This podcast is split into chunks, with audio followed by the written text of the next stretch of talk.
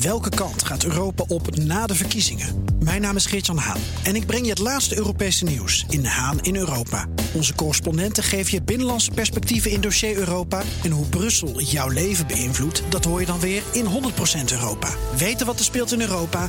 Luister naar de programma's van BNR. De Donald Show. Tijd voor een update uit de United States of Trump met onze correspondent in Washington, Jan Posma. Jan, de wereld is al een week in de ban van Iran en de VS. De Trump-campagne plaatste binnen een paar dagen na de liquidatie van Soleimani al lovende advertenties op Facebook.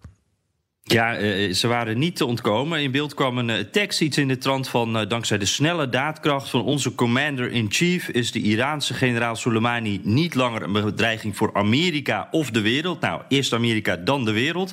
En daarbij was dan een foto van Trump te zien. hem bij een campagnebijeenkomst of Trump die met een vinger wijst. De, dus de boodschap was duidelijk. en, en ja, de Trump-campagne is heel goed in het afstellen van die advertenties op gebruikers. Hè. Daardoor zijn er vaak, ook in dit geval honderden varianten van zo'n advertentie... waarbij steeds hele kleine details veranderd zijn. En als je er dan op klikt, dan moet je een vragenlijst invullen... die trouwens eh, heel positief uh, voor Trump is. En uh, geld doneren natuurlijk, maar het belangrijkste... je e-mail en je telefoonnummer invullen. Dus op deze manier probeerde uh, de Trump-campagne... meteen allerlei informatie van potentiële kiezers binnen te halen. Ja, er kwam natuurlijk meteen kritiek op, want hè, Trump is niet de eerste kandidaat... die dat probeert uh, een politiek slaatje te slaan uit uh, spotten over een dode terrorist. Ja, ja de, de, de, inderdaad. Dat was meteen mensen die zeiden natuurlijk smakeloos. Uh, je haalt hier politieke winst proberen uit te halen. Nou, dat is ook wel zo natuurlijk. Maar uh, Obama, uh, die deed het ook al. Dienstcampagne maakte een video over het doden van Osama Bin Laden. waarbij Obama natuurlijk alle complimenten kreeg als de man die de beslissing had genomen. En Bill Clinton ook nog een grote rol speelde. He had to decide. And that's what you president to do.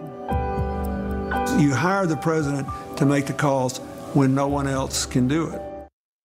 Ja, en toen werd ook nog de vraag gesteld in dat spotje in beeld: wat zou Mitt Romney gedaan hebben? Dus uh, nou, dat ging even een stapje verder nog dan Trump. En Trump deed het zelf ook al eens eerder toen al-Baghdadi dood was. Obliterating ISIS, their caliphate destroyed, their terrorist leader dead. But the Democrats would rather focus on impeachment and phony investigations, ignoring the real issues. But that's not stopping Donald Trump. He's no Mr. Nice Guy, but sometimes it takes a Donald Trump to change Washington. I'm Donald Trump, and I approve this message.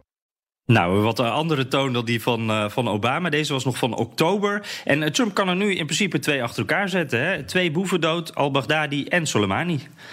Jan, de Super Bowl is dit jaar net iets voor de eerste voorverkiezing. De caucus in Iowa. En dat zorgt voor een Battle of the Billionaires.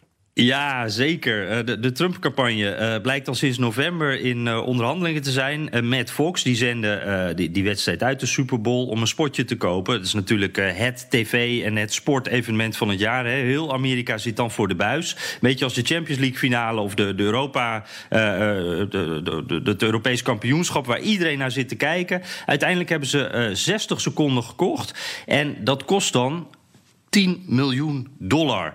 Uh, Trump-campagne zegt, ja, wij willen agressief zijn. Uh, we willen agressief van dit verkiezingsjaar beginnen. En dit past goed in onze strategie. Uh, ja, een strategie die we eigenlijk al, al kenden van een campagne die nooit stopt. En eigenlijk ook gewoon doorgaat waar hij geëindigd is. Ja, en toen kon natuurlijk die andere miljardair Bloomberg niet achterblijven.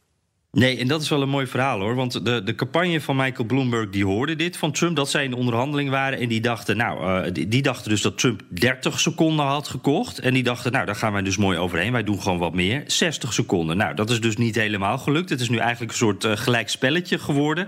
En die woordvoerder van uh, Bloomberg-campagne die zegt: Wij doen dit om Trump te irriteren. En wij willen Trump ook persoonlijk aanspreken. En door hem zo aan te spreken, tillen we het eigenlijk, willen ze proberen in ieder geval, tillen we deze strijd, deze primaries, die, die, daar willen we gelijk een paar stapjes in overslaan. Want we zetten nu eigenlijk Bloomberg tegenover Trump.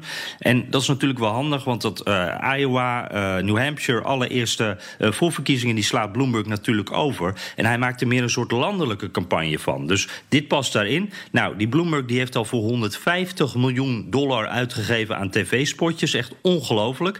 Um, maar hij kan het ook betalen natuurlijk. En nu twee spotjes tijdens de Super Bowl. En, en de winnaar is natuurlijk natuurlijk uiteindelijk Fox. Want die uh, zenden het allemaal uit en die mogen ook incasseren. Zo is dat. Dankjewel, Jan Postma, onze correspondent in Washington. Bij BNR ben je altijd als eerste op de hoogte van het laatste nieuws. Luister dagelijks live via internet. Bas van Werven. En heel langzaam komt de zon op rond dit tijdstip. Je krijgt inzicht in de dag die komt op BNR, het Binnenhof in Nederland en de rest van de wereld. De Ochtendspits. Voor de beste start van je werkdag. Blijf scherp en mis niets.